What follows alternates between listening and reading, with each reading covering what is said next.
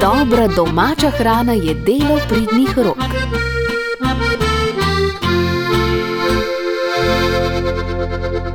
Škode, ki jih povzroči divji prašič, predstavljajo kar tri četrtine vseh škod od divjadi, pravijo strokovnjaki. Čeprav je populacija prašičev posod po Sloveniji v porastu in čeprav so lovske družine v lanskem letu oduzele nadpovprečno število osebkov, statistika pravi več kot 19400, so območja, kjer škode, ki jih divji prašiči povzročajo, naraščajo in kmetovanje postaja nemogoče. Naš gost v naslednjih minutah je Domen Benčina, Birtov, ki vodi družinsko kmetijo Birtovih na Krasu. Domen, najprej lepo pozdravljeni. Lepo pozdravljeni tudi z moje strani. Ustavljam se ob vašem zapisu na Facebooku. V njem ste navedli, da vaša kmetija obstaja že stoletja, a takih razmer ne pomnite tudi iz spominov vaših prednikov, ki so jih delili. Ja, res je. Naša kmetija je na tem področju oziroma kraju locirana že stoletja, oziroma od dneva, ko so se naši predniki kot takratni nomadi tukaj ustavili, ko so gnali svojo živino na prezimovanje v toplejše obmorske kraje. Takrat so tudi začeli s kmetovanjem, kot ga poznamo danes, in obdelavo zemlje. In uh, takih škod po divjadih in zvereh uh, ne pomnijo niti najstarejši vaščani. Uh, pa tudi v nobenem ustnem ali pisnem izročilu to ni omenjeno. Stanje se iz leta v leto poslepšuje. Kako vi vidite v teh letih, kar gospodarite? Ja, jaz sem kmetijo prevzel sicer uh, štiri leta nazaj, se pa stanje izrazito poslepšuje v zadnjih 20 letih. Uh, jaz se še kot otrok spomnim obdelanih njiv, uh, polnih uh, zelja, razne zelenjave, krompirja, uh, nihajočih pšeničnih pol in koroze. Tako da uh, to so tiste, uh, tisti spolni. Prve večje škode pa so se začele pojavljati uh, po letu 2000 in od takrat se stanje, kot rečeno, poslabšuje iz leta v leto, v zadnji zimi pa je pripeljalo do prave naravne katastrofe. Zakaj je prišlo do takega stanja? Kaj bi rekli, kakšne so vaše ugotovitve? Uh, za stanje je, po mojem mnenju, so odgovornih več krivcev. Na prvem mestu je vsekakor zakonodaja, saj je prilagajanje letena uh, razmere v naravi prepočasno in neučinkovito. Svoje pa doprinese seveda tudi eh, stanje v naravi. Naprimer, obrot je v letu 2020 eh, bil izjemno dober, kar se je odrazilo tudi na reprodukciji eh, živali, divjadi, predvsem divjih prašičev in zato se je stalež izrazito povečal. V letu 2021 pa je bil pridelek kot tudi obrot v gozdovih izjemno slab in danes te živali lačne iščejo hrano. Eh, vsekakor je pa tukaj svoje doprinesel tudi koronavirus, saj se je zaradi takratnih omejitev združevanja lov ni izvajal, skupinski lov ni izvajal in kombinacija vseh teh dejavnikov je pripeljala do stanja, kot ga poznamo danes. Slike, ki ste jih objavili, so pravzaprav katastrofalne. Kakšna je škoda na pašnikih, na travnikih, eh, tudi na ograjenih vrtovih. Eh, trenutno so največji problem divji prašiči, če prav razumem. Ja, trenutno je res največja škoda po divjih prašičih, eh, saj poleg pridelka svojim ritjem uničujejo tudi naše njive, travnike, pašnike in to nam kmetom nalaga dodatno delo in finančne stroške. Srečujemo se tudi s povečano populacijo jelenjadi, vendar zaenkrat uh, večjih škod ni, se so njive še prazne. Eh, škode po njih nekako pričakujemo v bližnji prihodnosti, ko bomo zasadili vrtove, vse ali nive in bodo zaradi pomankanja hrane v gozdu iskali hrano na naših površinah. Vedeti moramo, da uh, nov obrot v gozdu bo šele v jeseni leta 2022. Domen, kaj vsi ti razriti travniki pomenijo recimo za obstoj vaše kmetije Birtovih? Uh, ja, trenutno stanje in razviti travniki za našo kmetijo pomenijo propad. Pridelavo zelenjave in žic smo zaradi nezmožnosti preprečevanja škod že opustili, takrat niso pomagali niti ograje. teh travnikov in pašnikov pa zaradi teh naravnih omejitev ne moremo več sanirati.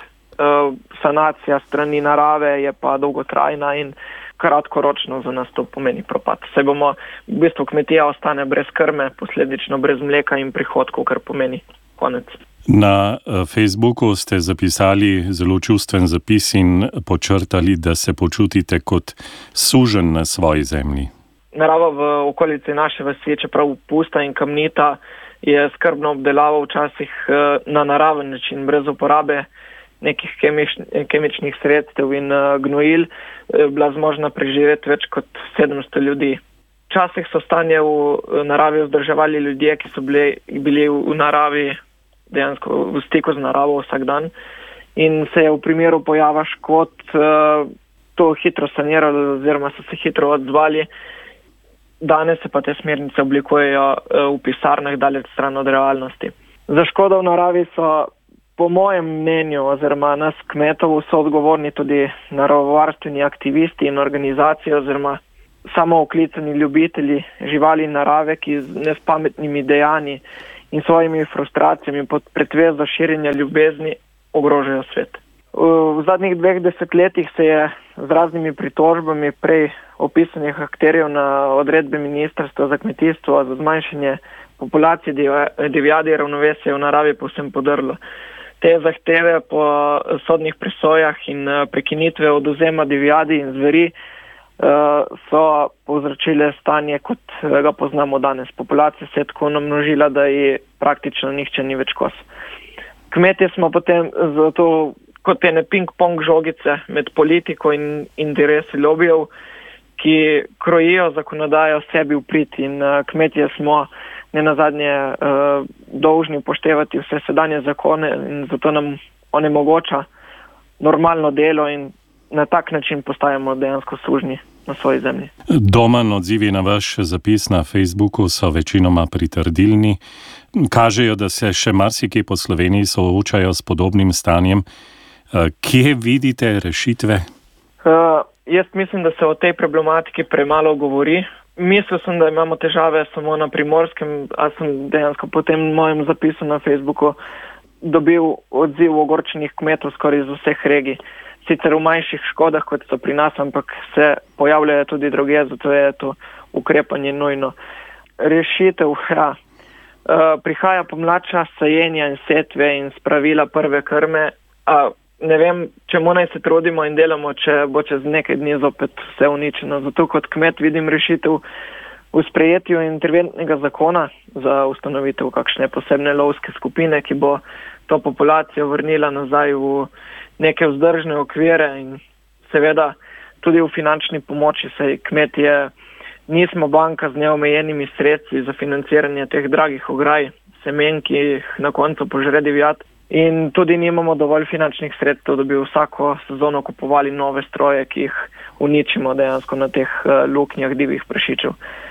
Ne na zadnje pa nimamo neomejeno časa, bi, da bi vsak dan večkrat na dan preverili to stanje ograj, pod njimi neprestano kosili, pregledovali akumulatorje, pastirje in tako dalje. Tako da rešitve so predvsem v uh, preventivi v bolj doslednjem spremljanju stanja v naravi, sploh eh, zaradi prihajajoče afriške prašiče kuge in ostalih virusov, ki bodo prejeli slej pri nas eh, in bodo dodatno oslabili to samo oskrbo. Znova bo treba. Uh, bo potrebno uporabiti nek zdrav razum in zdravo kmečko pamet, ter se vprašati, kakšno hrano želimo jesti in v kakšnem svetu živeti. Domen, eh, skupaj so mišljeniki, niste vrgli puške v koruzo, ampak ste že lani opozarjali odgovorne na vse to. Eh, pri vas, v vaši vasi, se je modil tudi minister. Eh, kako vidite ta odziv? Puške v koruzo nismo vrgli, to je iz spoštovanja teh naših prednikov, ki so se tukaj preživljali in bili zmožni preživeti. Nekako čutimo to odgovornost, da nadaljujemo njihovo delo, pa tudi odgovornost do so ljudi za pripravo te domače hrane, ki je nujna za preživetje. Vsekakor se bomo še naprej dogovarjali in iskali rešitve. Imeli smo tudi več sestankov uh, na ministrstvu. Uh, kot kmetje vidimo mogoče tudi uh, prilo, uh, oziroma niti ne priložnost, ampak rešitev v tem, da se ta pooblastila za zmanjšanje populacije dodelijo tudi nam kmetom, ki dejansko v naravi uh, živimo in pomagamo na ta način, da bi vsaj v neke živolovke živali uh, ujeli, pregledali boljše osebke, potem izpustili in tiste slabše, ki uh, dejansko ogrožajo tudi ostalo populacijo divjadi, usmrtili na en human način. Ja, to je bil zanimiv predlog. Čeprav razumem, še čakate, kaj bodo rekli nam odgovorni. Namreč ujeti žive živali in jih potem zaklati v klavnici bi prav gotovo bila ena od rešitev pri taki prenamnožitvi. Zagotovo, sploh zato, ker te živali uh, so lačne in so začele zahajati v neposredno okolico hiš, v vasi. Uh, smatramo, da tako, tak način ulova uh, bi bil zelo učinkovit. Zato smo to tudi predlagali in sedaj čakamo na odziv uh, pristojnih na naš predlog. Čas hitro teče, rekli ste, pred nami je pomlad. Domen Benčina, hvala lepa za tale pogovor, predvsem pa, da bi vas kmete slišali in bi se čim prej začel interventni oduzem. Tako, hvala tudi vam za povabilo in upamo na najboljše. Lepo nedeljo vam in družini. Hvala enako vsem vam in poslušalcem.